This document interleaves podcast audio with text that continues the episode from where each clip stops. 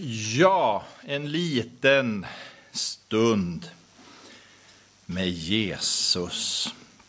Dagens predikan rör sig någonstans i mötet mellan livet här och livet där, mellan nu och sen. Har du Bibeln med dig får du gärna slå upp Saltaren och den 73 salmen. Temat den här söndagen är trons kraft och det är ett ämne som nog kan skapa reaktioner åt väldigt många olika håll. Det där med att tala om tron kan ju lätt hamna i något subjektivt, att det handlar mycket om att jag ska pre prestera en tro eh, och vara aktiv. Men tron kan ju också möta det där som finns utanför jaget, det som man kan säga är objektivt.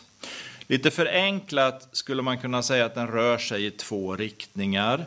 Eh, inifrån och ut eller utifrån och in i mitt hjärta.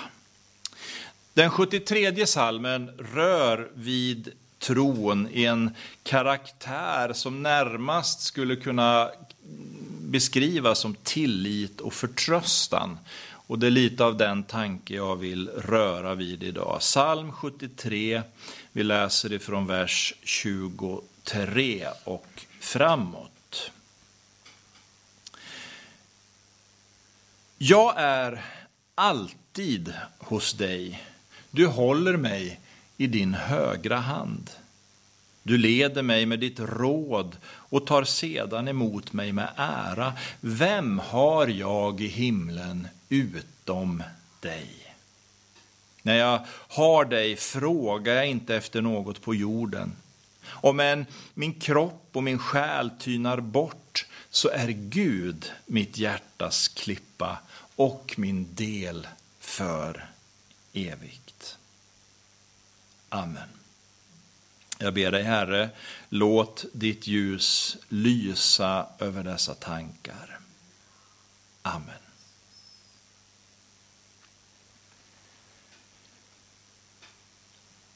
Om allt går som planerat, om Herren dröjer och jag och du får leva, så kommer jag nästa söndag att ha ett litet releaseparty för min bok som kommer ifrån tryckeriet till veckan. Jag pratade med en ofrälst person i veckan som gick och vederbörande fick läsa ett litet stycke ur den här boken. Efter att ha läst några rader om himlen och det hopp som vi som troende äger så suckade personen och sa någonting i stil med och jag önskar att jag kunde ha den tro som ni kristna har. Det är inte första gången som jag har hört den personen uttrycka sig så. Man får väl be Guds ande om nåd så att man får hjälpa genom att säga de där rätta orden för att Herren ska få föda en längtan i det människohjärtat. Ja, tron är något ofattbart stort. Ser vi på tron som ett fenomen så är det klart att det är lätt att det kan få oss att häpna. För vad den judisk-kristna tron ytterst handlar om är ju att det finns en gemenskap med Gud. Skapelsens Gud, frälsningens Gud. Jag rörde lite vid den tanken förra veckan. Tänk att den Gud som vi kallar för skapelsens Gud, han som är större än det som är oändligt. En tanke som lätt får oss att eh, komma ur balans, för det går ju egentligen inte in i vårt hjärta att något kan vara större än det oändliga och eviga. Men han som är det, han som håller hela skapelsen i sin hand, han som enligt Bibeln spände ut stjärnorna med sina fingrar, han känner dig och mig vid namn. Bibeln lär oss att redan innan vi formades i moderlivet var vi kända av Gud. Bibeln är full av texter som på olika sätt försöker att lära oss och få oss att förstå hur viktiga vi människor är för skapelsens Herre. Inte bara att han vet om oss innan vi formades i moderlivet.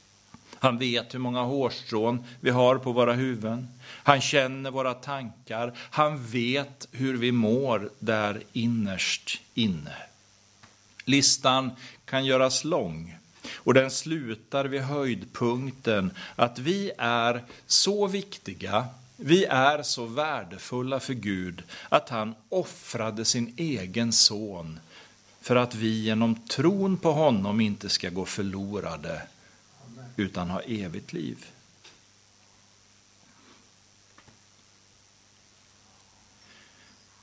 Tänk vad många människor som söker närhet till kändisar idag.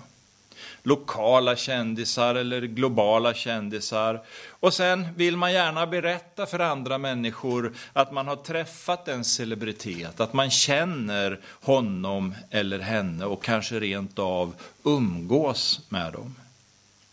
Jag har väl fallit för den frestelsen också någon gång och kanske du med.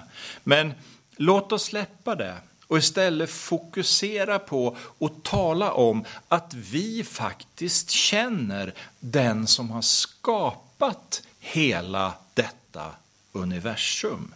Det är någonting stort att framhålla. Precis som salmisten skrev i orden vi har läst. Vem har jag i himlen utom dig? Jag är alltid hos dig du håller mig i din högra hand. Och jag förstår att lilla jag i tro får möta honom och inser att tron är något ofattbart stort. Och så slutar salmisten dagens text med orden att om än min kropp och min själ tynar bort så är Gud mitt hjärtas klippa och min del för evigt. Men om tron på ett sätt är något ofattbart stort så betyder det inte att tron är någonting som är otillgängligt eller nödvändigtvis svårgripbart. Visst, med all respekt och all ödmjukhet så inser vi ju alla att man kan brottas med tron. Och då återkommer jag som så ofta till en av mina favoritfilmer som jag tycker rätt bra om men som jag vet att många har väldigt svårt för. Och det är Ingmar Bergmans Det sjunde inseglet. Vad som fascinerar mig med den filmen, det är just den här smärtsamma och den ångestfyllda brottningen med tron som präglar hela filmen. Och för dig som inte har den aktuell i ditt minne så utspelas berättelsen under tiden för digerdöden. Man får följa riddaren Antonius Block som söker svaret på frågan Finns Gud? Och det går faktiskt så långt att han till slut börjar söka djävulen med orden att om någon vet om Gud finns så måste det ju vara han. Han vill tro, men han hittar aldrig fram. Och jag tänker på personen som läste några rader i min bok i veckan som gick och utbrast att också den personen önskade ha den tro som ger hoppet om framtiden.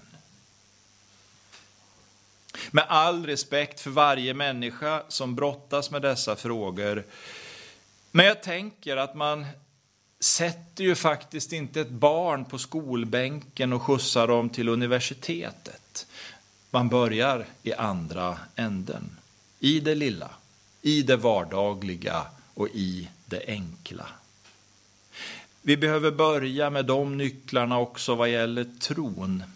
Att hjälpa människor att förstå att Gud i sin storhet finns nära oss i detta nu. Lika självklar som den luft som vi andas är, lika självklar är Herren. Vi ser inte luften, men vi kan se hur träden vajar i vinden. Eller hur mötet mellan luft och vatten kan skapa moln och så vidare. Vi ser inte luften, men vi ser konsekvenserna av att den finns där. Och vi kan känna den. Vi kan känna den när den lena sommarvinden smeker våra kinder eller när den kalla snålblåsten biter i samma kinder. Tron är inte bara ofattbart stor i det att skapelsens Herre känner oss och älskar oss. Tron är också nära och gör det möjligt för oss att gensvara på Guds närvaro. Vi behöver egentligen inte krångla till det och tro att vi kan förstå allting som en förutsättning för att sen börja vandra med honom. Jag berättade för någon i fredags hur lycklig jag blev när jag var inne i affären för att handla efter jobbet. När jag gick där bland gångarna så hörde jag en liten bebis jollra en bit bort. Genuint glad över att bara få vara utan någon möjlighet att förstå någonting av tillvaron. Och så kom mamman ut med sin barnvagn bredvid mig där vid någon gång och så fick jag se det där bebisansiktet som bara strålade av glädje, av lycka, av värme. Allt som är så där obeskrivligt oemotståndligt. Och jag blev så glad. Jag blev så varm i hjärtat och allt det där smittade av sig på mig och fyllde också mig så att jag kunde gå med ett stort leende fram till kassorna. Så tänker jag att är det inte så där Gud egentligen vill ha det med oss? Bebisen visste ju inte alls någonting om mig, kunde inte förstå mig, kunde inte förklara mig. Men bebisen såg mig och log med hela sitt ansikte. Tänk om man kunde få förenkla livet på samma sätt.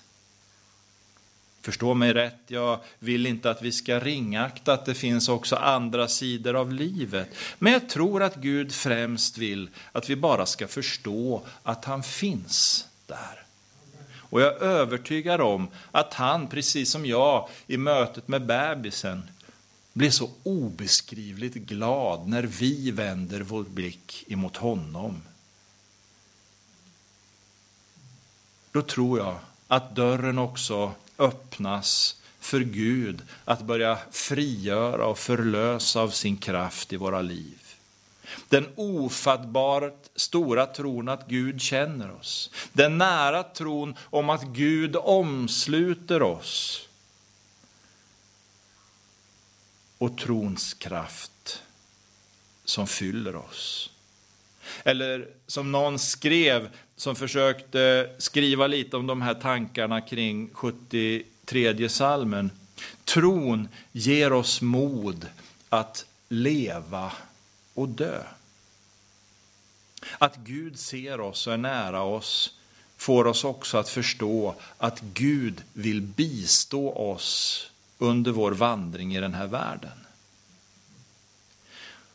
Och så tänker jag att vi för vårt inre kanske försöker måla upp bilden av templet i Jerusalem.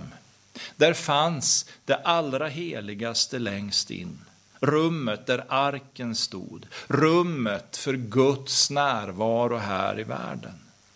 Men där utanför fanns det en förgård. Den åtskildes av förlåten, det stora tygstycket som rämnade när Jesus dog och vägen till gemenskapen med Gud öppnades för alla. Och så tänker jag att det här jordelivet är som förgården till Guds himmel. Vi får förvalta livet som Gud ger oss här. Ute på förgården råder de jordiska förutsättningarna. Där fanns hedningarnas förgård, där fanns också judarnas förgård. Och som en liten hint, det får du läsa om i sista kapitlet i min bok. Men där var också Guds ande verksam. Verksam för att styrka och leda människorna på vägen mot det allra heligaste. Där finns, som jag nyss citerade, tron som ger oss mod att leva och att dö. Vi förvaltar det liv som vi har fått av Gud här på jorden. Men när Guds ande låter trons kraft verka i våra liv förstår vi att här är vi bara gäster, här är vi främlingar. Och så läser vi hur Abraham säger i Hebreerbrevets elfte kapitel, eller om Abraham, att i tro fick han bo i löftets land som en främling på utländsk mark. Han bodde i tält med Isak och Jakob som också de fått del av samma löfte. Men det han väntade på var ju staden med de fasta grundvalarna. Den som har Gud till sin byggmästare och sitt upphov. Abraham var fylld av trons kraft i väntan på staden med de fasta grundvalarna. En trons kraft som gjorde att han lyckades kryssa bland livets alla grynnor och skär till dess att han nådde hamnen på den andra sidan. Den ofattbart stora tron vittnar om gemenskapen med Gud. Trons närhet talar om Jesu omsorg i våra liv. Och trons kraft låter oss förstå att den helige Ande leder oss på vägen hem. Låt oss bli stilla.